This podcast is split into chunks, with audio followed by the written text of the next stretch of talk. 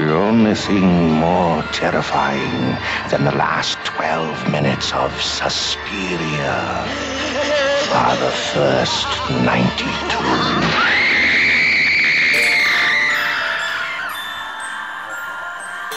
Hallo en welkom bij Julius versus Jasper. Mijn naam is Julius Koetsier. En mijn naam is Jasper ten Oor. Dan zijn we er allebei. En dit is de podcast waar wij elke aflevering twee films tegenover elkaar zetten en eh, bespreken en bepalen welke van de twee, want dat is nu eenmaal het systeem eh, van de aardbodem moet verdwijnen. Als er eentje zou moeten verdwijnen dan. En, ja, dat hoeft eh, niet, hoeft niet echt, hè? Nee, ze hoeft niet echt. Het is gewoon Rustig maar, luisteraar. eh, grapjes. Maar eh, eh, eh, ja, en vandaag doen we dat met eh, een origineel en een remake, namelijk Suspiria. En jij kijkt hier vooral naar uit, hè? Al, een- al een hele tijd, geloof ik, toch? Eh, ja, want ik hou erg van beide films. En ik, ik ga de remake verdedigen, want daar hou ik meer van. Ja. Voor mensen die de podcast vaker hebben geluisterd, daar heb je het ook wel eens meerdere keer over gehad. En hij stond zelfs in, een, eh, in je toplijstje. Van dat jaar, in- ja, op, één. Dus, en dan neem ik het op voor, die, eh, voor dat origineel van eh, Dario Argento. Spannend, Jasper. Dat is heel spannend, toch? Suspiria, oké. Hoewel Suspiria, ik, ik, ik, ik, op Google staat eh, De nacht dat de heksen feest vieren. Dat is de titel die ik op, eh, op Google krijg. Oh, dat is, dat is dan de originele Nederlandse titel, hoe die hier in de jaren 70 verscheen. Ja, ik zie het verder nergens voorbij komen. Als ik letterlijk op Suspiria google, dan komt er bij mij De nacht dat de heksen feest vieren.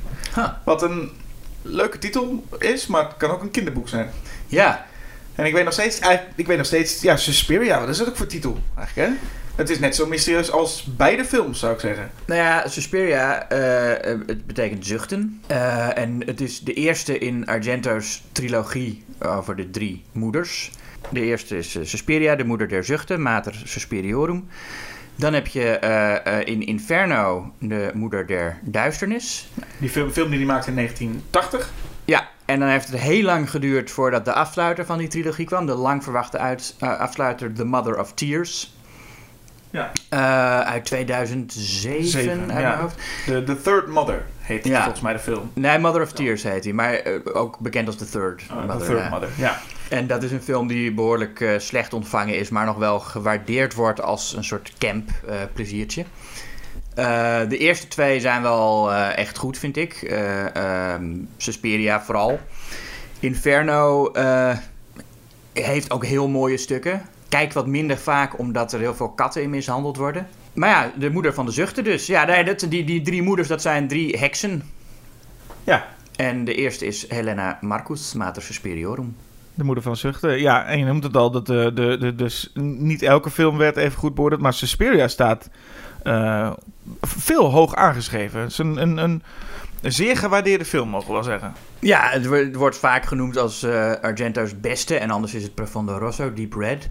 Het was zijn eerste film, nou, zijn eerste bovennatuurlijke horrorfilm. Hij had hiervoor hij had gedebuteerd met, met eh, Giallo, eh, The Bird with the Crystal Plumage. En toen had hij nog twee Jolly gemaakt met ook beesten. Daarom heet dat ook wel zijn, zijn beestentrilogie, zijn dierentrilogie. Eh The Cat o' Nine Tails en Four Flies on Grey Velvet. En toen, nou ja, zijn andere en waarschijnlijk wel beste Jello Deep Red. En tussendoor had hij ook nog een comedy gemaakt, The Five Days, maar die herinnert niemand zich meer. En, eh, de- en, en hij heeft ook al heel veel films geschreven nog, maar dat is eh, te veel om op te noemen. Wat ik wel bijzonder vond, is dat hij, eh daar, dus hij was als filmcriticus, maar ik zag ook, hij is eh, series voor Once Upon a Time in the West. Ja, een van de zes volgens mij. Ja, dat Ja. vond ik wel bijzonder om zijn naam daar. Want ik ken, en de meeste mensen kennen Dario Argento vooral, is, is zijn naam onlosmakelijk verbonden met Giallo. Ja, zeker. Maar ja, dat was in die tijd, Once Upon a Time in the West, ook gewoon een, een spaghetti western, wat een beetje in dezelfde categorie gezien werd als Jolly, als eh, genre. Ja. En eh nou, Suspiria is eh, eh, geen Giallo, hoewel Nou, er wel overeenkomsten hij- mee vertoont. Ik, ik voel, je voelt overal dat, dat Argento het niet helemaal los kan laten, Giallo, in, zit in Suspiria. Komen zo wel op een paar Ja. scènes waarbij dat echt wel een beetje voelt. Maar het is inderdaad, de, eh, hij gaat, hij gaat hier boven de natuurlijke kant Ja. op. En hij schreef het samen met zijn eh muze, de, de, de film. Mhm. En het schijnt gebaseerd te zijn op ook gewoon, of in ieder geval ware, of ware gebeurtenissen. Althans, de, de, de, ik weet even de naam niet van zijn muze met wie hij dit schreef, maar die eh, gelooft hier ook echt in. Oh, Dus dat het echt een soort van, eh, eh, nou ja, eh, het is echt geschreven door iemand die niet, nou ja, die ook gelooft in hekserij en in, in, dit soort praktijken. En ik heb het gevoel dat zij vooral aanstuurde op een soort van het maken van een, een, een bovennatuurlijke film. En, en wat ik al zei, ik heb, je ziet op sommige momenten, waaronder de openingsscène waar we gewoon meteen in moeten knallen volgens mij, want dat doet de film ook. daarin laat Argento af en toe dus dat Giallo terugkomen. Maar wat volgens mij in eerste instantie moeten zeggen als we het over Suspiria hebben is... eh, nou, twee dingen. Eh, de, de, hoe de film eruit ziet en hoe de film klinkt. Ja, Want dat zijn Ja, toch dat- dingen, daar kan, niemand, een, eh, daar kan niemand omheen dat dat iets heel bijzonders is. Ja, het is een overweldigende ervaring. Ik zag hem op, het, op het grote doek in, in de, in de 4K-restauratie van een paar jaar geleden. En was hij in het Filmmuseum AI in Amsterdam. En dat was echt een van de mooiste filmervaringen uit mijn leven. Hij is echt gewoon overweldigend als je hem op zo'n groot doek met zo'n hoog volume hoort. Ja. Als je hem dan daarna weer thuis kijkt, valt hij dan toch een beetje tegen, omdat het nooit meer dat wordt. Maar dit, ook, ook gewoon thuis op het, op het kleine scherm ziet hij er prachtig uit en klinkt hij prachtig. Ja, maar het is inderdaad dus, nou ja, het, het, het visuele komen we ook zo over te spreken. En natuurlijk de muziek van Goblin. Ja, Ehm, die, eh, nou ja, die, die theme is, is, is ik, ik had hem ook gewoon dagenlang neurde ik dat, dat die theme Mhm. nog noemen. Het is een hele, het is heel catchy, het is heel spookachtig. ja. En ehm, het past ook zo ontzettend goed bij de film. En de film opent er ook gewoon vrijwel meteen mee. Gewoon Ja. hier, hier is het, hier is, de, hier is de pracht en hier is, de, hier is Goblin ook meteen. Ja, en, en later hebben ze naast dat, dat creepy thema eh, natuurlijk ook de, de meer losgeslagen progrock. Eh, die ik ook te gek vind. Ik heb die soundtrack... eh, of, nou, ik heb geprobeerd... Die, ik ben al een tijdje op zoek naar die soundtrack op vinyl. Ik zie hem hier staan, toch? Ja, nee, maar dit is, dus, dit is een, een singeltje. Oh. En ik heb eh, per ongeluk het singeltje gekocht. Ik had gewoon niet goed gekeken naar de bestelling. Maar het is ook dan weer zo'n singeltje dat ik denk, ik ga dat niet inruilen, want het is wel een, een mooie uitgave en zo. Ja. Nou ja, dat terzijde. En dat, het, het, het beetje sprookjes, eh een spookachtige van die, eh, van die theme, dat zit natuurlijk meteen in de openingsscène. En de openingsscène laat, laat een paar fantastische dingen zien. We zien een, eh, ons hoofdpersonage dat, dat eigenlijk van een treinstation een, in, naar de met een taxi gaat. En er zitten gewoon een paar shots al in waarvan ik gewoon dacht, ik weet dan sowieso, en volgens mij ging niemand als kijker weet nog precies wat er aan de hand is. Hoewel er wel een voice-over is die dat probeert uit te leggen. Die ik een beetje, eh, nou, een beetje dacht, hé, hey, waarom zit die hier? Is die er later bijgeplakt? Zo voelt het in ieder geval. Ja, dat vind ik heel mooi, die voice-over. Dat is nog voordat er, je ook maar iets gezien hebt. De, de credits zijn nog eh, bezig. En, en die voice-over die vertelt dan... Die begint met One day at 9 in the morning. En dat vind ik al zo mooi. Wel specifiek de tijd, maar dan ook gewoon op een dag. Ja. Eh, maar dat klinkt meteen als een soort sprookje. En het is ook meteen raar. En het is eigenlijk ja, compleet overbodig. Want je, op zich kun je wel eh, eh, zelf erachter komen wat er gaat gebeuren. Zij is nieuw in Duitsland en Ja, nou ja, gaat over- naar die school en heeft zich daar... Nou, dat wordt allemaal wel duidelijk. overbodig voelt hij inderdaad. En dat is wel grappig, dat hij inderdaad die voice-over voelt. En normaal zetten mensen er altijd voice-overs neer om iets uit te leggen. Ja. En hier voelt het alsof de voice-over inderdaad deel is nog van de stijl. Het gaat niet om Ja. de inhoud, het gaat om de stijl. We beginnen het als een, als een sprookjesboek. ja, precies. En, Heel en zakelijk is ook die mededeling die hij doet. Hij vertelt van Susie Banyan, left from... Weet je wel, het is heel... Ja. eh, en, maar hij voelde, ik dacht toen de eerste keer dat ik die film zag, dacht ik echt van, is dit nou later de, er gewoon bijgeplakt? Omdat het niet voelt alsof het bij de film hoort. Het voelt alsof het een soort van artistieke film is. Geen uitleg nodig, of we willen eigenlijk geen uitleg geven. Mhm. Maar dan blijkt dat die voice-over er gewoon eigenlijk altijd bij hoorde. En Ja. dat, dat, dat was ik wel verrast over. Ehm, nou, en dan krijgen we een paar hele mooie... eh, en de film zit vol mooie scènes. Maar voor mijn gevoel gaat de film Suspiria de, nooit... het Tip, de, de openingsscène is eigenlijk het sterkst van de hele film. Daar komt de film van mij betreft eigenlijk nooit echt overheen. Ja, dan zit ze in de, in de taxi en dan wordt ze belicht op een manier waarvan je meteen al ziet... eh, dit is geen normale film. Ja. En bedoel je gewoon die, die, die scène, die rit? Of, of ook nog dat ze bij de school aankomt? Eigenlijk ook bij de school, maar het is eigenlijk die rit die misschien nog wat allermooiste is. Ja. En er is, een, er is gewoon een, een, een scène waarin die, of een shot waarin eigenlijk al, je ziet gewoon vooral bomen in de regen en je ziet twee koplampen. En meer zie je eigenlijk niet. En, eh, en het, is, het is een fantastisch stuk. En er zitten hele kleine mooie dingen in verstopt. Dus ik zag nu bij de taxichauffeur, je zit zo'n taxichauffeur, dan zie je in het glas een, schreeuwende of lachende vrouw even in een, in een weerspiegeling. Maar, en en, en je, je, ja, je, je kunt hem niet zien. En als je hem dan ziet, denk je, hé, hey, er, er is wat mee. Maar that, that's it. En ook Ja. op de bomen zit op een gegeven moment een soort schaduw. Ehm, eigenlijk allemaal kleine hintjes die... Ja, je kunt allemaal wel bij na gaan denken van wat is het. Maar vooral Ja. dat het gewoon het is er. En dat, dat maakt het ja, gewoon heel bijzonder. En, en wat hij ook al meteen doet, is eh, wat hij later ook nog meer zou doen: eh, diegetische geluiden mee laten spelen met de soundtrack. Dat als Suzy de deur van de taxi dicht doet, dan hoor je dat, eh, wordt dat deel van de muziek van Goblin die ondertussen klinkt. Ja, ja, precies. En ehm, dan komen we al bij een punt in ieder geval. Dan, dan gaat het verhaal een beetje eh, beginnen, maar dat is nog steeds deel van die openingsscène. Ehm, dan valt mij wel op dat de film wat warrig gefilmd is. Althans, ik begreep op een gegeven moment even niet meer naar wie ik keek. Wie wist nou wie en wat gebeurt er nou precies? Hij gaat best wel vaak over de as in, Ja. in sommige dialoogscènes. Dat is het ook, ja. Het is ook letterlijk dat je door, die, die, door, die, nou, door dat technische deel, maar ook gewoon sowieso dat het een.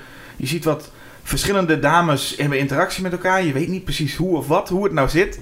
Ehm, en, dat, en dan komen, later kom ik daar nog wel op terug. Maar je bent op dat moment nog wel heel erg zoekende en bezig met hoe zit het precies. En dat, dan merk je dat je dat in de openingsscène al, al kwijt kan zijn. Terwijl zoveel bijzonders gebeurt daar niet. Er gaat in Mm. ieder geval een Amerikaans meisje gaat naar een eh, balletschool. Ja, dat kun je heel saai filmen. En, en Argento filmt dat spectaculair. Hij filmt dat spectaculair inderdaad, ja. En dan wordt ook meteen, als in een echte... eh, nou ja, wat een goede opening moet hebben. Er, er gebeuren meteen allerlei dingen waar je... Nou ja, wel even op het puntje van je stoel zit. Wat gebeurt er nu eigenlijk? Ehm, met een, een een of ander bovennatuurlijk wezen. En dan heb je echt door dat het een bovennatuurlijke film is. Hè. Dat had, voor die tijd had het nog allemaal gewoon prima een, een kunnen zijn. Maar ineens komen er van die duistere ogen uit, eh, van Ja. buiten.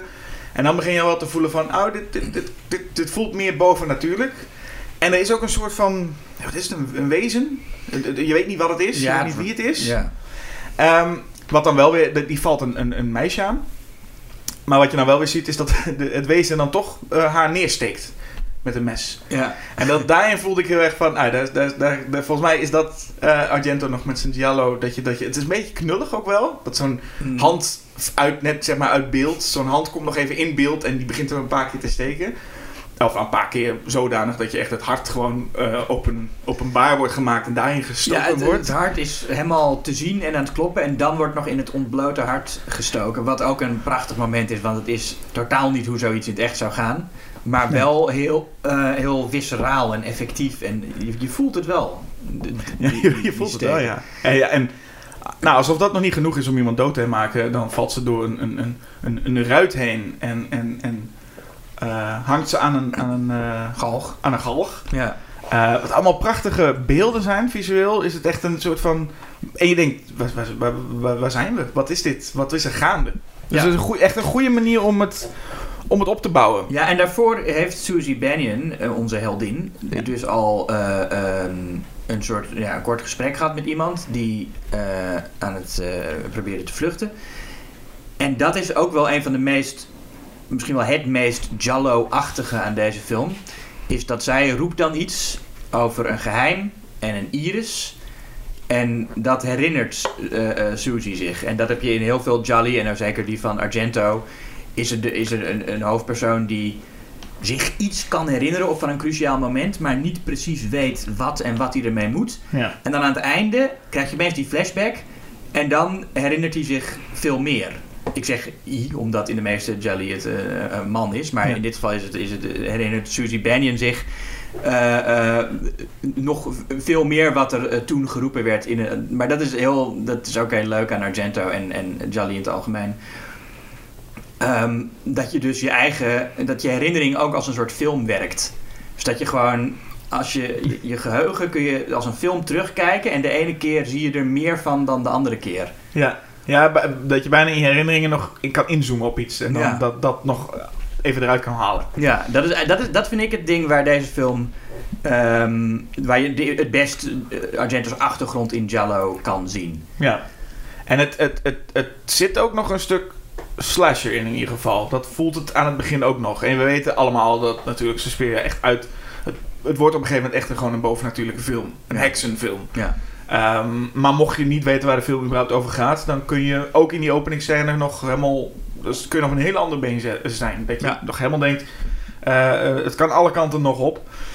Ehm, ja, dan komt er een groot deel van de film waarbij ja, we gaan de, de, de personages leren kennen. En ik, ik zou zeggen dat het, het huis, de setting, is gewoon een personage. Ik bedoel, daar, daar zit ik Ja. in ieder geval vooral naar te kijken. Ja, de decors zijn prachtig. Ja, en En ook een heel mooi gefilmd natuurlijk. het is mooi Ik bedoel, gefilmd. de belichting en, en, en, de, en, de, en de composities van die shots, die, ja. Zeker. Maar de, en de, maar de, de, de personages aan zich zijn ook niet, niet heel eh, geweldig. Nee, dat zijn decorstukken, zoals vaak in Italiaanse horrorfilms. Ehm, Er is eigenlijk niemand van wie je nou echt heel veel weet. Sommige mensen worden heel karikaturaal geschetst. Andere mensen worden eigenlijk niet eens geschetst. Die staan gewoon ergens. Ja. Ehm, maar ja, dat is ook, ja, dat is gewoon eh, hoe, voor mij is dat eh, deel van de stijl en van het genre. En ik waardeer dat ook. Het, ja, het hoeft helemaal geen echte mensen te zijn. Nee, er zit ook, maar dat merk je ook meteen. Want dus de, de, de film. eh, hè, Argento wilde eigenlijk deze film maken met jonge 12, 13-jarige meisjes. En dat, eh, dat, dat mocht niet. Of in ieder geval, er werd ook gezegd: ja, dat, wat er hier allemaal gebeurt, ga je niet met zulke jonge meisjes doen. Ja. Het script werd daarna niet echt aangepast. En eh, daardoor praten alle personages, wat gewoon redelijk volwassen vrouwen bijna zijn, eh, praten ook eigenlijk wel een beetje als kinderen. ja.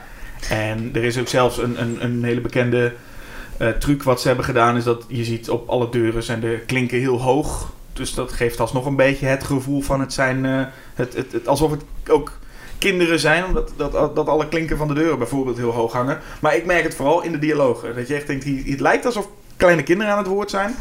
Ja. Eh, nou, dat klopt dan ook ergens wel, want dat was ook zijn bedoeling. Ja, met name dat, dat ene meisje dat eh, Sarah en Susie zegt van... eh, I, I heard names which begin with the letter S are the names of snakes. Ja. En dat ze dan gaat sissen naar, naar, naar Sarah. En dat Sarah dan zo... Naar haar doet. Ja, dat- Eh, dat is een hilarisch momentje. Nou ja, dat is natuurlijk niet... Ik bedoel, dat is gewoon niet zo goed. Dat is gewoon niet zo goed. De, en de dubbing helpt ook niet mee. Nee. En dat nee, is en iets- dat zijn dingen. Kijk, je kan heel veel eh, eh, excuseren van wat Argento doet. Ik vind het dus niet erg dat die personages niet eh, bijzonder zijn. Of niet, niet als echte mensen overkomen. Maar zo'n stuk dialoog, dat is gewoon niet goed. Nee, en hij... Kijk, en, en, dat, en dat dubben, ja, daar moet je, deels moet je daar ook aan wennen hoor. Ik weet dat het ook een stukje van gewenning is. Dat er, Mm. als je heel veel Italiaanse films kijkt, ja, heel veel daarvan zijn gedubt. Ja, Eh, allemaal in die tijd. Ja, de, de- en hier was het ook echt letterlijk zo dat ze wisten ook dat het gedubt zou gaan worden. Dus ze namen ook verder niet echt geluid op. Ze waren ook letterlijk sommige scènes, we hoorden die acteurs ook zeggen, dat sommige eh, scènes waren ze aan het filmen, terwijl ze op de set daarnaast gewoon aan het klussen waren. Ja, maar dat, is ook, dat gebeurde ook bij vrijwel alle Italiaanse films in die tijd. Ja. Dat was gewoon eh, ja, gebruikelijk. En, maar het dubben doet wel iets. Ik bedoel, ik, ik, ik snap best dat er mensen zijn die het charmant ook kunnen vinden. En dat het een beetje bij hoort. Maar het, het, het, alles is wel zodanig overdreven. En ook het, het, het acteren maakt het ook heel houterig. Je weet natuurlijk niet hoe men echt acteerde. Dus Mhm. Gewoon normaal. Ik ga ervan uit dat het niet meteen fantastisch was. Maar het krijgt ook een beetje heel erg een, een amateuristische feel. Doordat ze, nou ja, de dialogen niet zo heel best zijn. De dubbing ook niet echt fantastisch is. Ehm, werkt dat niet per se heel sterk. Eh, maar gelukkig zit je, zit je veel naar het decor vooral te kijken. En dat, eh, die blijft gewoon eh, op hoog niveau acteren. Dat scheelt wel weer. Ja, Dus, ehm, nou, eh, wat gebeurt er eigenlijk precies? Nou, hier is één ding wat ik over Suspiria kan zeggen. Ik ben op een gegeven moment... Ik, ik heb deze film voor de eerste keer gezien. Toen beviel die mij niet, zou ik zeggen. De, de, deze van Argento. En ik, waarom? Ik zat deze film aan te kijken met een beetje, nou, ik kan zeggen, naïeve gedachten. Maar met de gedachte, ik ga echt de hele tijd eh, kijken van wat gebeurt er? En waarom gebeurt het? En wat zit erachter? Mhm. Toen ben ik de film de tweede keer gaan, gaan kijken. En toen heb ik besloten om die waarom-vraag nergens meer te stellen. En dat was een hele fijne kijkervaring. Door gewoon niet meer de vraag te stellen waarom. En ik heb heel erg het gevoel dat Suspiria vol zit met scènes die gewoon een excuus zijn om die scènes te doen. Eh, er zit niet echt een gedachte achter. We komen straks bij de remake, waarbij ik voel dat het precies het tegenovergestelde is. Maar hier voelt het bij dat het ook geen zin heeft om zich echt af te vragen waarom, eh, waarom is dat. Om maar een voorbeeld te noemen, we springen wat verder in de film. Ehm, er is een blinde man, Ja, een blinde pianist. De blindste man ter wereld is dat. Als je hem rond ziet lopen en blind ziet acteren, het is echt nog erger dan El Pacino in Center for Woman, volgens mij. Ja, Hoewel, nou, nee. ze- maar nee, maar het, hij heeft een zonnebril en een hond en, en een stok. Ja. En hij loopt de hele met zijn hoofd in de lucht. ja. En hij, hij eh, je hebt, je hebt En, en als hij piano speelt, komt er een heel orkest uit de piano. Is je dat opgevallen? Nee? Hij zit op een gegeven moment piano te spelen. Eh, terwijl die danseressen daar hun eh, ja, dansjes aan het doen zijn. Want dat zijn het. Het is een zogenaamd een hoog aangeschreven balletschool. Maar ze doen echt de meest kneuterige niksdansjes daar. En die man die zit daar piano te spelen. Maar er klinkt gewoon het geluid van een compleet orkest. En als hij stopt, dan houdt het ook meteen op. Dus het is, ja. Nou ja, talent toch? ja. Maar en, en, en, hij heeft dus inderdaad een hond. Op een gegeven moment, eh, en ik weet dus niet waarom, maar op een gegeven moment wordt het jongetje, wat volgens mij het neefje is van, eh, van Madame Blanc, Ja. geloof ik, die eh, wordt aangevallen door die hond. Dat zien wij verder niet, dat wordt niet door ons, maar dat wordt verteld. Waardoor de, de blinde man eh, ontslagen wordt. ja. Hij wordt eruit gekikt. Ook op dat moment, ik zat in de eerste viewing ook te vragen, hè, ten eerste waarom, ten tweede waarom nu? Ehm, en dan krijg je een scène, eh, goede scène, waarin hij over een, een, een, een, een plein loopt. Het, het, het Koningsplatz is dat. Een, een veelzeggend, veelzeggende plek. Hè? Dat is een plek waar, waar, waar grote betekenis had in de Tweede Wereldoorlog. En dat plein is helemaal leeg. Die man loopt er met zijn hond. Allemaal schaduwen, er gebeuren vreemde dingen. Je denkt, wat gaat er nu gebeuren? En plotseling, als het even stilvalt, wordt hij aangevallen door zijn eigen hond. ja. En al dat gebeurt, dat hele verhaallijn, hè, we hebben het hier over de hele verhaallijn met die, met die blinde man, gebeurt. En ik denk, bij de tweede viewing vooral, ik dacht gewoon, Dario Argento dacht, wat als we een blinde man, lekker ironisch, een blinde man laten aanvallen door zijn eigen blinde geleidehond. Maar voor mij had deze scène ook net zo goed in een andere film van Argento kunnen zitten. Het- Nou ja, ik, ik, kijk, ik begon toen niet meer te vragen waarom. En dat werkte voor mij een stuk beter, omdat ik niet die vragen überhaupt... Ik, ik, Maar het is toch wel duidelijk waarom. Die hond heeft dat kind aangevallen. Al dan niet omdat die hond, zoals veel dieren in films, eh, aanvoelt dat er iets bovennatuurlijks is. Mhm. Ehm, of, of dat kind heeft die hond aangevallen. Dat kan ook, dat weet je natuurlijk helemaal niet hoe het begonnen is. Maar Nee. hoe dan ook, eh, die heksen zijn niet blij met die hond en die man. En die hebben ervoor gezorgd dat die hond hem doodbijt. Maar waarom Dat- zijn die mensen, waarom zijn die heksen ineens niet meer... Ik bedoel, ik ga ervan uit, het, gaat, het verhaal gaat om Susie. En Ja. haar... Nee, eh, maar goed, dit is, komst. dit is even om te laten zien hoe ver de macht van die heksen strekt. Dat ze ook als iemand eh, heel ergens anders is, nog steeds invloed kunnen hebben op wat daar gebeurt. Mhm. Ja, nou dat voelt voor mij nog steeds als een... We gaan nu wat scènes laten zien. Tuurlijk, de, de scène wordt dan gekoppeld aan... Kijk, het is allemaal de macht van de heksen. Maar waarom? Waarom die man? Waarom, waarom op dat moment? Waarom gebeurt dat? Wat heeft dat voor effect op het verhaal met Susie? Ja, nee, niks. Nee, Nee, nee maar nee, dat, dat is inderdaad een vraag die je dan eh, niet moet stellen als je, als je per se zo'n strak script wil. Nou ja, zo'n strak Eh, script. Maar het is, niet, het is überhaupt geen te strak script van Suspiria. Het is een, Nee, nee. het is nee, een, een, het is een aaneenschakeling van, van momenten. Wat ook Ja. eh, bijvoorbeeld... Nee, op een gegeven moment is er... ehm, ik weet even haar naam kwijt. Maar een van de personages gaat in, eh, valt in een kamer met draad. ja, Sarah is dat. Sarah. Ehm, ja, voor mij voelde dat ook. Ik, ik, waar- waar- waarom, waarom houden de heksen daar een kamer met, met, met, Met draad? En, en ik, Nou ja. nogmaals, ik, je kunt je heel erg frustreren. Ik weet, je kunt je over elke film frustreren als je dat soort vragen gaat stellen. Maar bij Suspiria voelt het als dat ik alle vragen even weg moest steken. Mhm. En moest gewoon moest kijken naar, ja, wat uiteindelijk misschien nog wel steeds wel een beetje een knullige scène is. Maar eh, gewoon, ja, dat is, een, dat is een feit. Dat is, een, dat is gewoon zo. Ja, en het is... Kijk, veel mensen zeggen dat Suspiria stijl boven inhoud is. Ik zou zeggen, het is stijl als inhoud. Ja. En vooral in die scène Ja. met eh, Sarah. Want het begint al dat zij door die gangen loopt en helemaal in paniek is. En waarom is ze nou zo in paniek? Ze heeft ja, geluiden gehoord, maar niks om compleet van in paniek te raken. Maar waar zij op lijkt te reageren is de muziek. Want er is ondertussen gewoon oorverdovende muziek de hele tijd. En als je die wegdenkt, heb je gewoon iemand die in er eentje in paniek door gangen rent. Maar met die muziek erbij klopt het gewoon. Ja, ja. En dan klimt ze door een. nou, nee, de- op een gegeven moment is, is, is er dan wel duidelijk iemand achter de raam, want ze is een deur doorgegaan. En dan zie je dat iemand met een soort eh, mes probeert het slot van die deur af te halen. Ja. En dan wurmt ze zich door een eh, ruit inderdaad. En dan zit daarachter is die kamer met al dat draad. Maar dat zien wij op dat moment nog niet. Wij zien dat zij eh, eh, ergens, op, ergens op een verhoging staat. En wij zien nog niet wat daaronder is. Ja.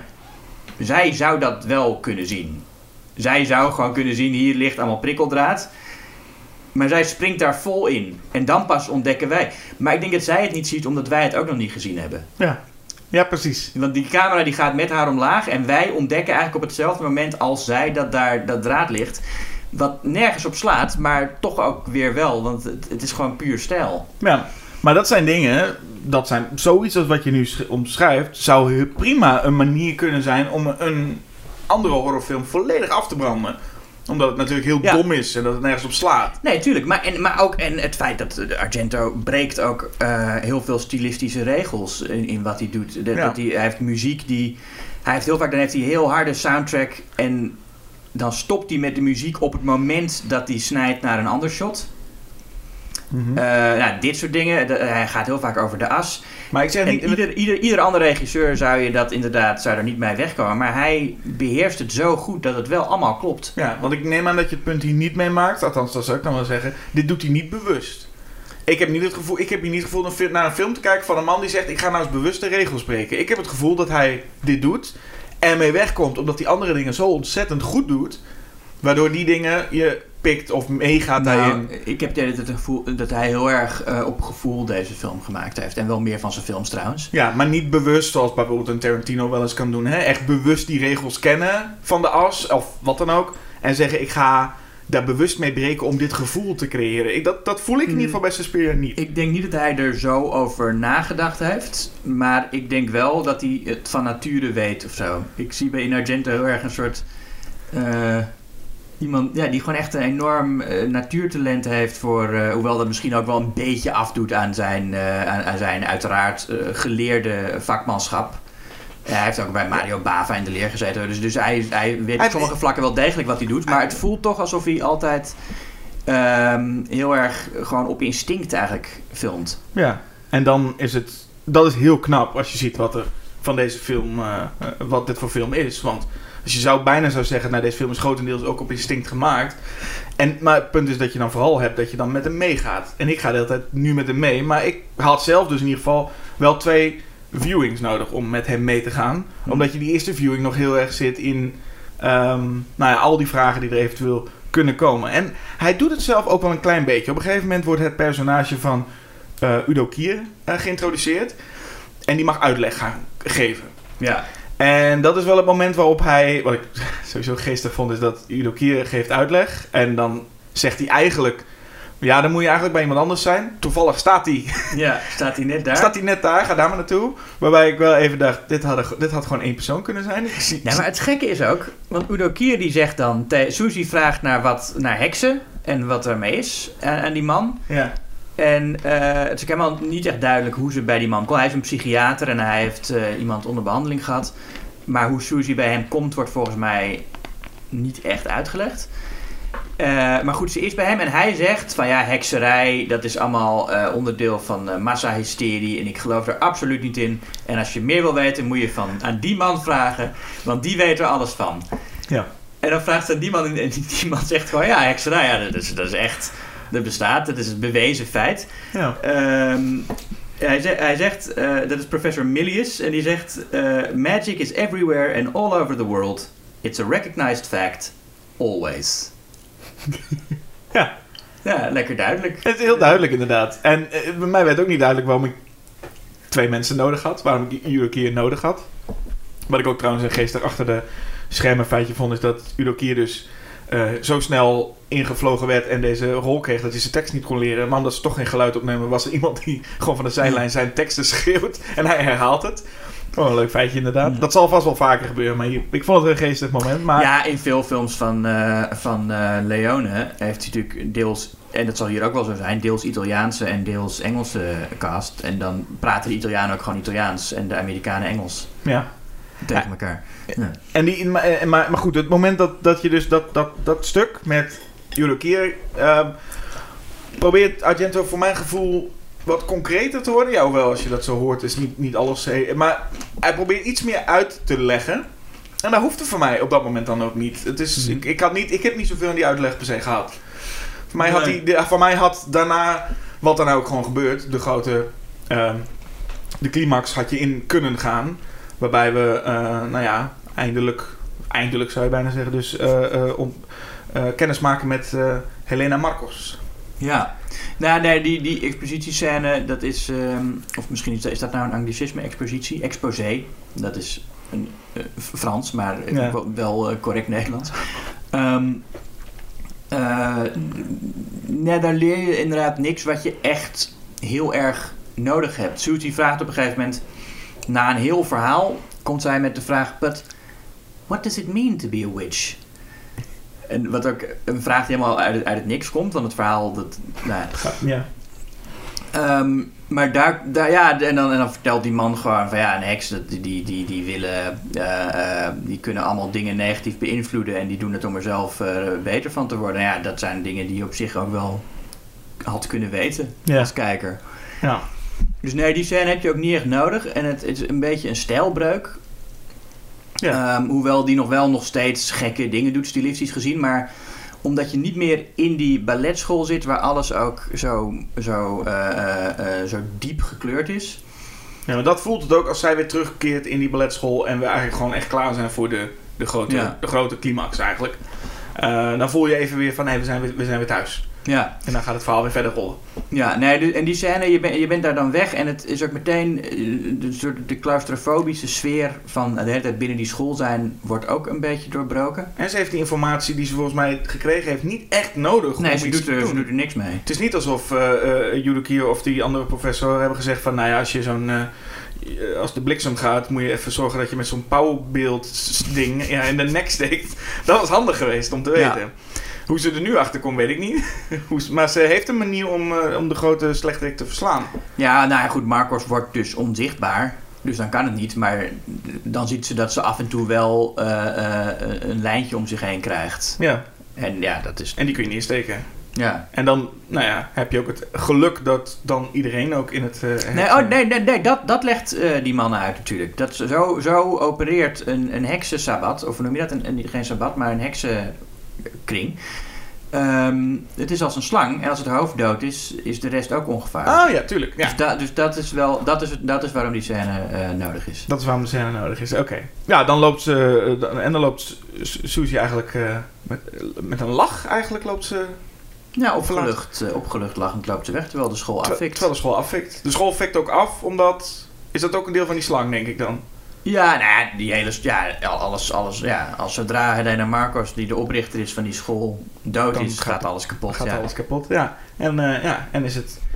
En is het einde redelijk concreet wel. Hoe, hoe, hoe anders is dat met de remake? ja, Wel wat anders. dat is wel even wat anders. Nou, ik wil eerst even zeggen over, over de gelijkenissen. Nou, Luca Guadagnino heeft hem gemaakt.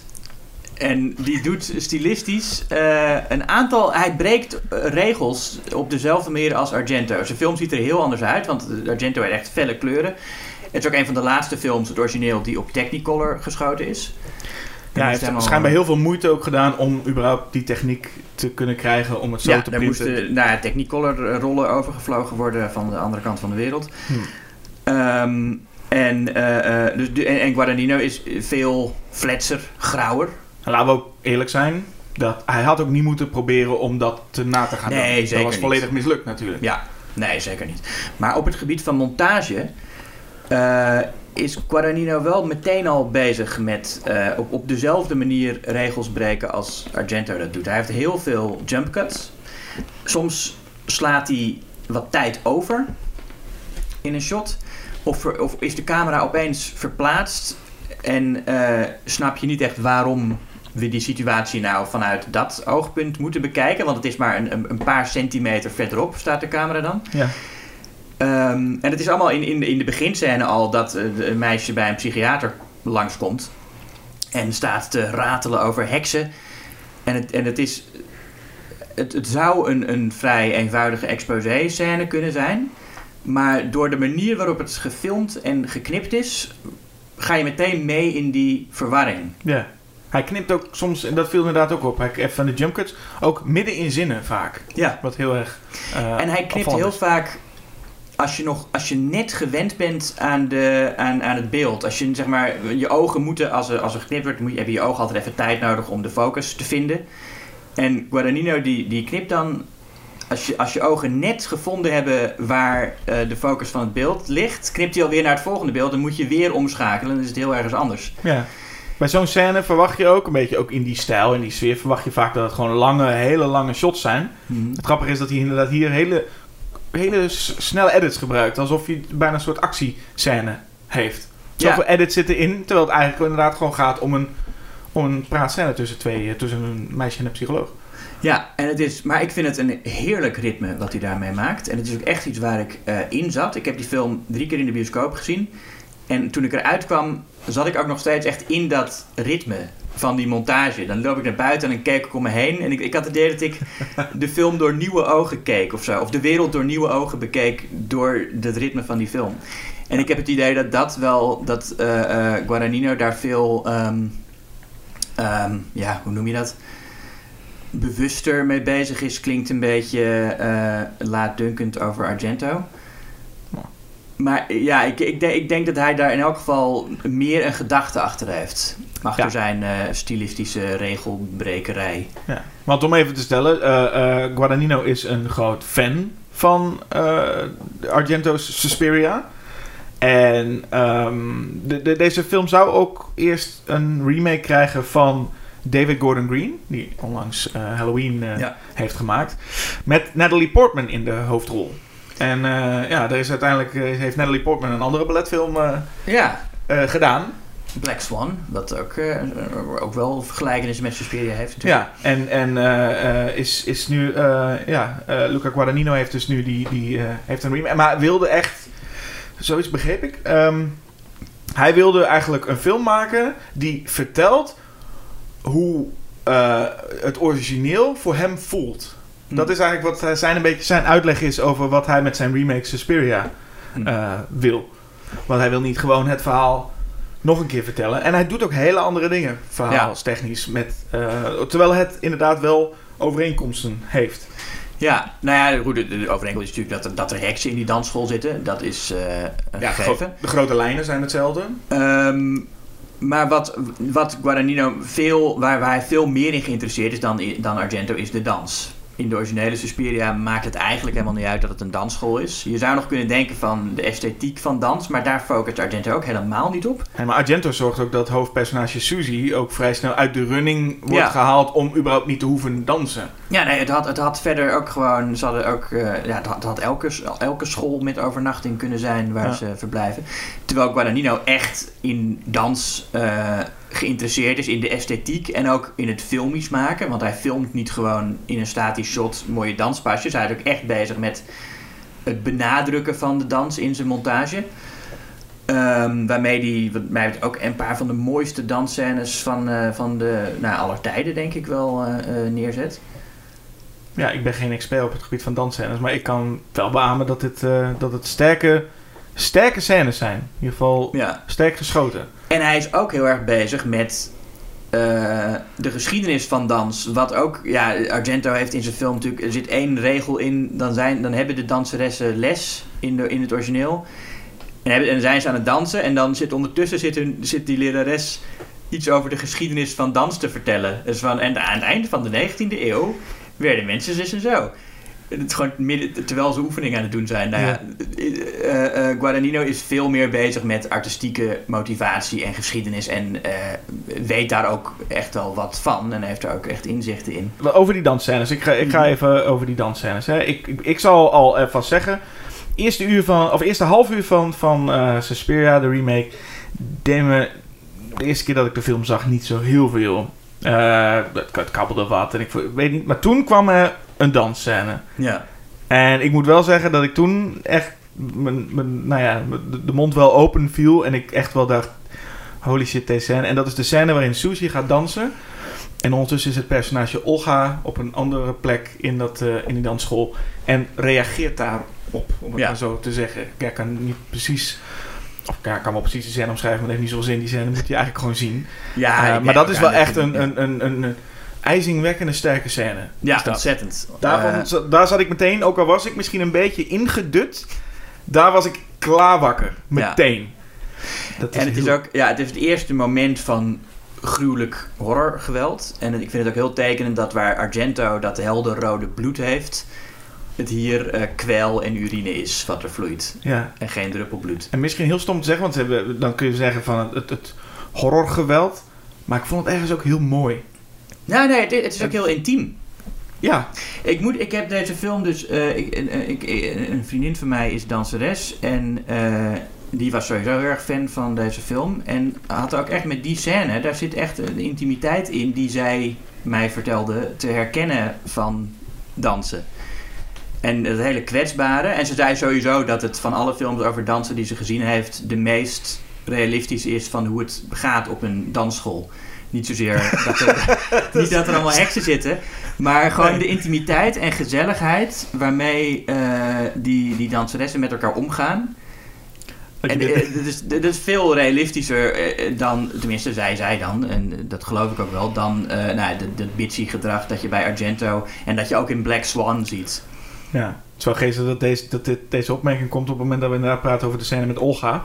Want, Ja. dat is iets, want dat is, dat is hoe, hoe ergens mooi het ook is, is het tegelijkertijd natuurlijk super gruwelijk. Ja, En, en zeer pijnlijk. ja, En wat ik ook gewoon al even knap vind, is props aan de, de, de danseres, actrice in kwestie. Dat gewoon het grotendeel is gewoon echt dans, wat zij doet. En wat zij, Olga doet, ja. Maar Olga, nou ja, haar armen, benen gaan in de posities. Mhm. Eh, en, en, en dat kennen we natuurlijk wel sowieso meer.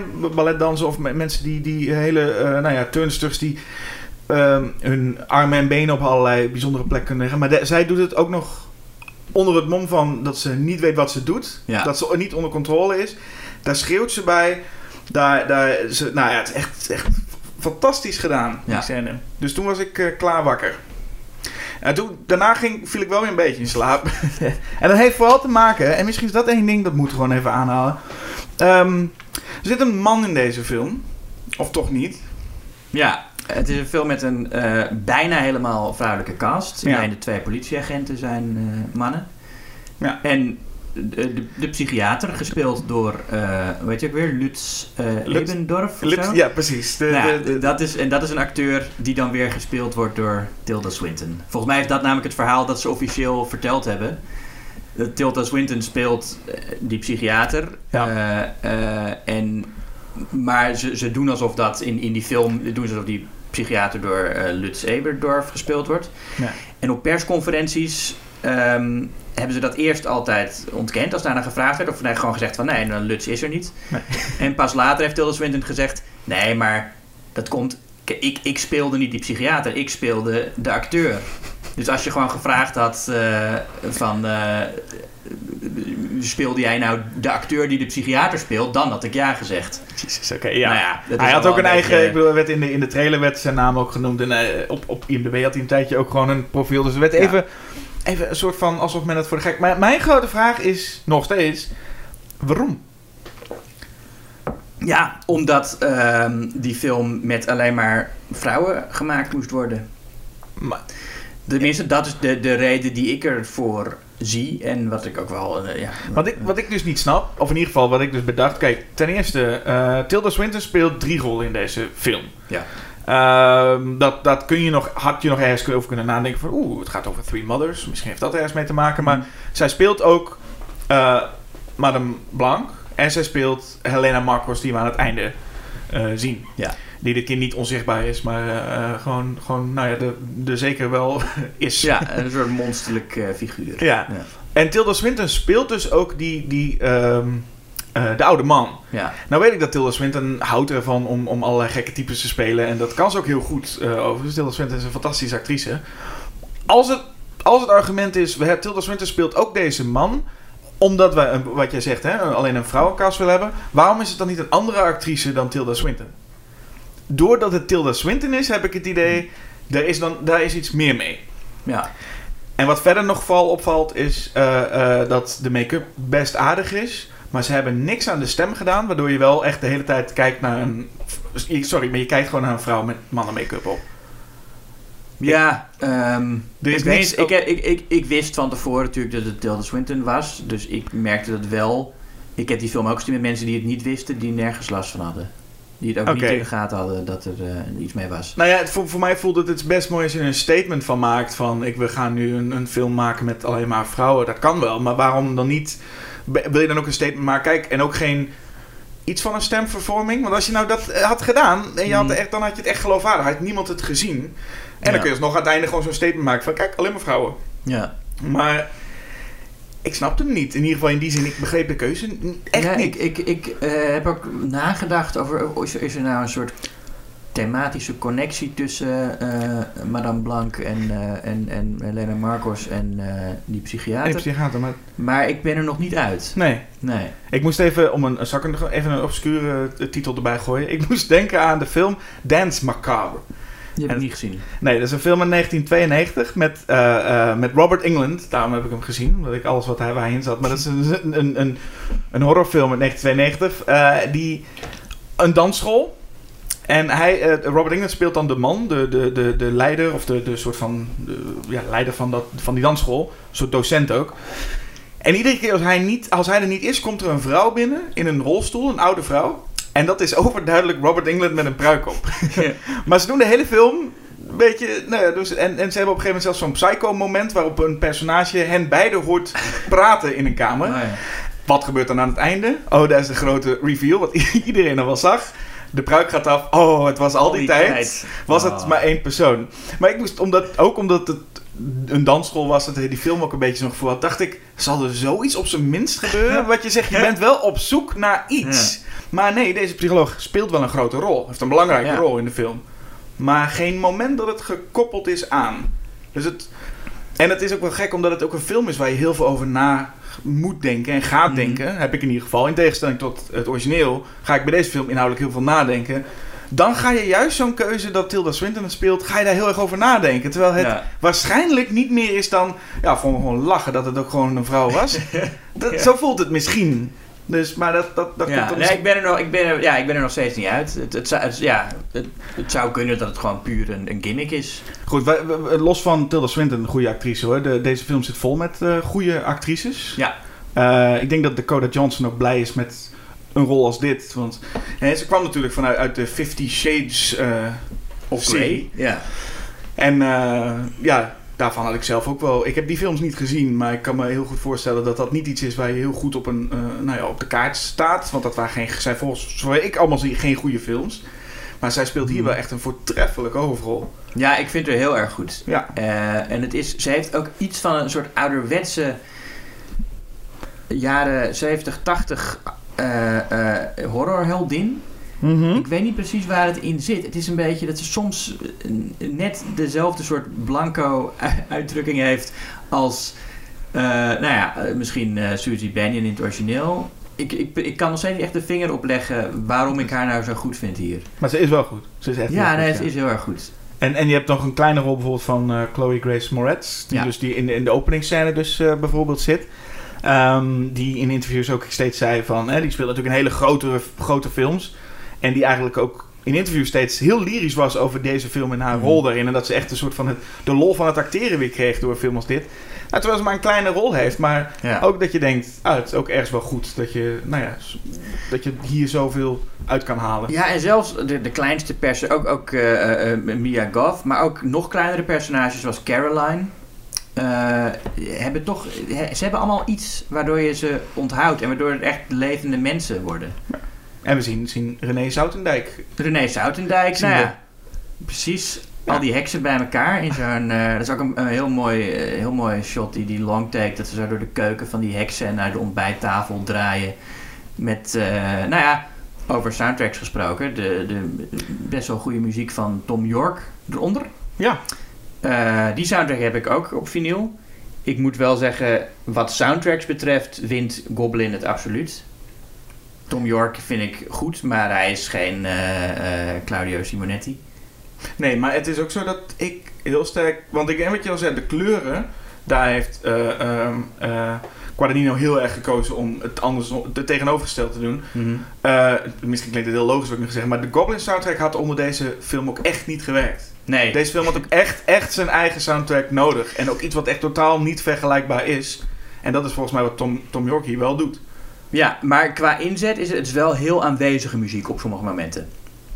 Ja. Nou, de, de, er zitten vooral twee dingen die ik me nog het meest voor de geest kan halen. Zijn de, tijdens de openingscredits is er het, het, het nummer Spirituum, geloof ik, heet dat. En aan het einde is er een, eh, het nummer Unmade. Dat zijn de Ja. twee nummers die je echt heel goed kan herinneren. Die ook wel heel duidelijk aanwezig zijn. Ja, dat- en het zijn ook gewoon echt popliedjes. Ja, wat vooral. En, en, en, de climax, daar komen we zo wel even op, denk ik, de climax. Maar dat eh, sowieso daar eh, eh, heel, heel duidelijk is. Maar ehm, wat ik alleen vooral daarover kan zeggen is... Het is een lange film. Ja. Het is een, een enorm lange film. En ik was veel meer dan ik verwacht had geboeid. Maar die, die psycholoog krijgt wel, wat mij betreft, echt wel te veel aandacht. Hm. Ik, iedere keer als die psycholoog kwam, was het dus wel, waren wel die momenten dat ik een beetje inkakte. Hij krijgt heel veel screentijd. En dan gaat het me even niet om het feit dat hij door Tilda Swinton gespeeld wordt. Dat kon ik wel gewoon loslaten. Meer het feit dat ik gewoon dacht... Het, het, het personage is niet zo heel... Ik vind hem niet zo heel interessant. En hij krijgt echt eigenlijk pas... En, het- en bij de climax krijgt hij pas echt een duidelijke rol van betekenis, had ik het gevoel. Ja, hij heeft, ja, goed, hij heeft een tragisch achtergrondverhaal natuurlijk met, dat, met, die, die, met, met zijn vrouw die in de Tweede Wereldoorlog... eh, ja, is, eh, hij is haar toen uit het oog verloren in een, in een, in een vluchtpoging. Ja. Aan het einde kom je erachter dat zij het niet overleefd heeft. Dat ze in een kamp is uh, doodgegaan. Um, en dat is een, een heel tragisch achtergrondverhaal. En dat, het krijgt relevantie als hij uh, aan het einde van die film dat mag vergeten. Van, uh, nou dan moeten we, dan springen we even naar het einde. Dan is onthuld ja. inmiddels, we zitten nou in de epiloog. Oh ja. Is onthuld dat Susie Banyan uh, de mother of, of de Mater Superiorum is. Ja. En um, laat. En blijkt dat Mater Superiorum eigenlijk helemaal niet zo, uh, zo slecht is. Dat ze gewoon heel lief is voor sommige mensen. Want uh, nou, mensen die, die vragen of ze dood mogen, die mogen dood van haar. Mensen en, die gestemd hebben op Helena Marcos. Ja, die gaan, die, ja, die worden, die ontploffen. ja, dat is zo, die ontploffen. Maar, uh, maar goed, de, de, de, de, meisjes die in dat ritueel geofferd worden, die graag dood willen, die, die laat ze doodgaan. En dan gaat ze dus naar inderdaad die psychiater. En dan zegt ze eigenlijk wat hij zelf tijdens het ritueel al uh, beweerde: dat hij onschuldig is. Dat hij geen schuld of. Hè, dat, dat, dat, dat, ze hebben behoefte aan schuld en schaamte, maar niet van hem. Ja. Dus mag hij alle vrouwen uh, die zijn. Die, die in zijn leven voor leed gezorgd hebben, mag je helemaal vergeten. En, en dus voor leed gezorgd hebben ook als het vrouwen waren van wie die uh, hield. Ja, maar is dat dan. Uh, want hij. Heb jij het gevoel dat hij aan het einde niks meer weet? Of alleen van dat, die specifieke stukjes? Want hij, hij kent zijn huishoudster of niet meer? Ja, nee, ik heb het idee dat hij. Um... Want als hij niks meer weet, dan mm-hmm. voelt het een beetje alsof hij gewoon. Of, of al zijn herinneringen gewoon weggevaagd ja. zijn is best wel cru ook ergens. Ja, nee, het is zeker. Het is ook helemaal niet per se. Uh, de, de, film zegt niet dat dat een happy end is of zo.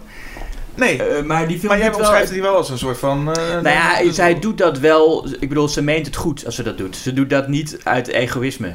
Ze doet dat echt. Ze gaat daar naartoe omdat ze die man dat gunt. Waar dat, voel je dat? Nou, waarom zou ze er anders naartoe gaan? Ze gaat erheen omdat nou ja, zij denkt, die man vindt die man het heel toch, erg... Maar die man heeft toch alles gezien wat er in bij die heksen dingen is gebeuren. Dat wil je ja. dan toch, als je doorgaat met die school, wil je misschien toch wel dat uit zijn herinnering wissen. Van, okay, je hebt ons ja. nooit gezien. Wij zijn ja, oké. Okay. Maar ze zegt ook dat hij zijn eigen vrouw uh, mag vergeten. Omdat hij dus nog zo lijdt onder die herinnering en, en wat ze van uh, hem weet, van haar, wat, wat hij van haar nog weet. Ja, oké. Okay. Maar het is twijfelachtig of het echt liefdadigheid is. In ieder geval, ik kon het ook lezen als zijnde van, nou ja, ik, oké, okay, je mag nu, ik, ik maak er een mooi verhaal van dat mm. je het ook dat mag vergeten, maar eigenlijk wil ik gewoon dat je ons ook vergeet, wat er gebeurd is. Dat zou ook nog kunnen. Dat is ook het thema vergeten is natuurlijk wel een interessant thema in deze film. Want hij, hij vergeet aan het eind dus eigenlijk een slachtoffer van de holocaust. Wordt uit zijn geheugen gewist. Mm-hmm. Eerder in de film heeft uh, Madame Blanc uh, uh, Susie Banyan terecht gewezen dat dans na de holocaust niet meer mooi mag zijn. En het was in die tijd ook echt een opvatting binnen meerdere kunststromingen, maar zeker moderne dans van nu we dit meegemaakt hebben en na de holocaust is, is poëzie niet meer mogelijk en, en mag niks meer mooi of, of vrolijk zijn. Ja. Uh, want we mogen dat niet vergeten. En ik vind het heel tekenend dat in de climax dus Susie Bannion dat weer tegenspreekt tijdens dat groteske dansritueel. Zegt ze, it's beautiful. Ja, precies. Dus het is wel mooi en we mogen wel erge dingen vergeten. Hm. Ja, en over dat vergeten gesproken, waar ik weten en vergeten. We zijn nu toch in, een, in de climax, we zijn aan het spoilen. We- Hm. wat, wat denk jij, wist Susie nou dat zij de mother of size was al die tijd? Eh, ik denk niet vanaf het begin. Nee, want daar zat ik dus ook heel erg over te denken. Van, wist ze het al? Wanneer wist ze het al? Nou, haar moeder lijkt het wel ergens te weten. Mhm. Want die ligt zegt op de sterfbed dat eh, haar dochter haar, haar zonde was. Ja. Maar ja, wanneer Suzy het eigenlijk weet, is eigenlijk ja, dat is een beetje een, eh, een, een raadsel. En Ja. ik, heb, ik heb ook wel het idee, want je hebt een van die dansleraressen, een beetje een muizig vrouwtje dat vaak op de achtergrond staat, Ja. die op een gegeven moment zichzelf in de nek steekt en sterft. Ja. Ik heb ook wel eens gedacht, misschien is dat het moment dat de Mater Superiorum uit... Die, die zat eerst in dat vrouwtje en die op het moment dat zij zichzelf doodsteekt... Ah, ja. doet ze haar intrede in Susie Bannion. Eigenlijk kun je gewoon zeggen, er zijn heel veel interpretaties bij deze film. Ja, het is, ook niet, het is ook niet erg als je, als je iets anders denkt. De film werkt nog steeds, toch? Ja. Wat, wat je ook eh, gelooft. De, de film zet je aan het denken. Ja, en, ja, en het- het, gaat ook echt over kunst. En wat eh Guadagnino is wel iemand die heel erg houdt van esthetiek. Zie je ook in, eh, in, in Call Me By Your Name, zijn vorige film. Wat ik ook een geweldige film vind. Ehm, het is ook een film met, met ja, het is weliswaar een, een tragisch verhaal. Eh, nou ja, dat valt wel mee eigenlijk, Call Me By Your Name. Het, wordt een beetje gebracht als een tragisch verhaal, maar eigenlijk is het ook wel een, een mooi en lief verhaal. Maar het is ook vooral een eh, eh, stilistisch heel mooie eh, film. En, en zijn films daarvoor ook. En hij heeft wel eens de kritiek gehad dat hij te esthetisch is. Deze film lijkt daar ook wel een beetje een antwoord op. Van, eh, hè, want, eh, je hebt dus eh, aan, aan de ene kant een, een, een- die zegt... nee, het, moet niet mooi zijn. En wij hebben deze dansschool gewoon tijdens de oorlog opengehouden... Als een, als als een plek waar, waar vrouwen die, van, van, van, de, van de regering alleen nog maar als baarmoeders eh, dienst konden doen. die, die konden hier blijven en wij konden hier kunst maken. En dat moet helemaal niet mooi zijn. En dat aan het einde gezegd wordt van nou, eh, waarom niet? Het, het, het, mag ook mooi zijn. En misschien is, het, is escapisme ook helemaal niet zo'n eh, zo'n probleem. Ja. Aan de andere kant heb je dan wel weer de, de tekst van dat liedje ehm, Suspirium van Tom York. Dan zingt hij ook iets van Everything is fine as long as we keep dancing behind the wall. Of all is well as long as we keep dancing, dancing behind the wall. Het lijkt daar dan weer een soort antwoord op te zijn van ja, maar je zit wel tussen vier muren Ja. te dansen en een beetje de buitenwereld eh, te negeren. Dus ik denk niet dat Guadagnino echt een, eh, een definitief antwoord wil geven van of kunst nou ideologisch eh, verantwoord is als het mooi is of niet.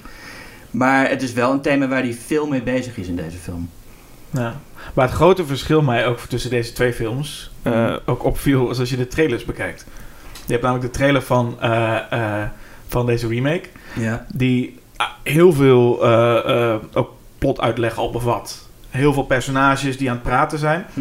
En, en, en nou ja, toch wel probeert heel veel body eraan te geven. En dan zie je de trailer, van, de trailer die ik zag van Suspiria van Argento. Hoor je vooral heel veel gefluister. Suspiria. Dat is Ja. wat je vooral hoort. Met wat beelden erbij. Dacht, dat geeft eigenlijk ook wel een beetje... Voor mij een beetje weer hoe die twee films eigenlijk zijn. De ene heeft heel veel, heel veel plot. Mhm. En kun je heel lang over nadenken. De andere is vooral Stijl als inhoud. stel, stijl als inhoud. Ja. En dat blijkt uit die trailer ook. En daar zit wel een grote verschil tussen die beide, wat mij betreft. Ja, maar ja, nee, dat is waar. Maar ik vind dus eh Guadagnino's versie ook een intense stilistische ervaring. Ook zeker in de bioscoop. En het- ja, het is jammer dat je hem waarschijnlijk niet meer in de bioscoop zult gaan zien. Want het lijkt me geen film die nog eens eh, een hervertoning zal, zal krijgen. Zoveel fans heeft hij vol- volgens mij niet. Nee, en, en, en, en eh, Guadagnino wilde eigenlijk ook, ook wel... had een trilogie ook in gedachten. Hm. Maar deze film heeft het ook financieel niet zo heel best gedaan. Dus ik vraag me af of er überhaupt nog een, iets aan vast hangt. Of er nog een... Ja. eh, nou ja, of er die plannen worden gedaan. Of dat het hierbij blijft. Nou, nou, ik vond in elk geval, eh, net zoals eh, het origineel, echt een, een intense filmische ervaring. En ehm, Guadagnino is met deze film. Ik vind het allebei. eh, eh, ik vind het een van de weinige gevallen waar je zowel het origineel als de remake een meesterwerk kunt noemen. Waarmee ik niet wil zeggen dat het allebei perfecte films zijn, want dat zijn het niet. Nee. Maar wel allebei films waarmee de regisseur zich een meester toont. En ook echt een vernieuwer die, zoals heel weinig regisseurs dat zijn, bezig is met het medium film. En met echt een, een eh, technisch indrukwekkende, maar ook eh, viscerale gevoelservaring. Je zit echt in, in, in, in de wereld. Nou, als je naar Suspiria gaat, zit je in Argento's wereld en voel je je deel van die wereld. En voor mij geldt bij Guadagnino hetzelfde. Ja, dus twee meesterwerken. Maar er moet één van de aardbodem verdwijnen, jullie. Ja, nou, ja, ik, ik hou dus echt meer van Guadagnino's eh, versie. Hoeveel pijn het me ook doet om Suspiria. Dat was een van de eerste films die mijn, mijn passie voor horror echt eh, eh, deed eh, oplichten. Ehm, eerste Argento die ik zag. Maar ja, nee, ja, ik, eh, eh, ja, Guadagnino heeft me toch meer eh, geraakt. Oké, maar nipt wel, zeg je dan? Of is het wel Nou, nee, niet, niet eens zo heel nipt. Nee, eigenlijk best wel overduidelijk ja, voor jou? De remake gaat, gaat door. remake vind ik ja, beter, ja. Oké, maar dan toch met pijn in het hart. Dat is voor, voor Ar- Ar- Argento ook wel fijn om te weten. Dat het in ieder geval niet zo makkelijk zijn, eh, zijn film aan de kant wordt gesmeten. Ja, Ja, ik vond het lastig.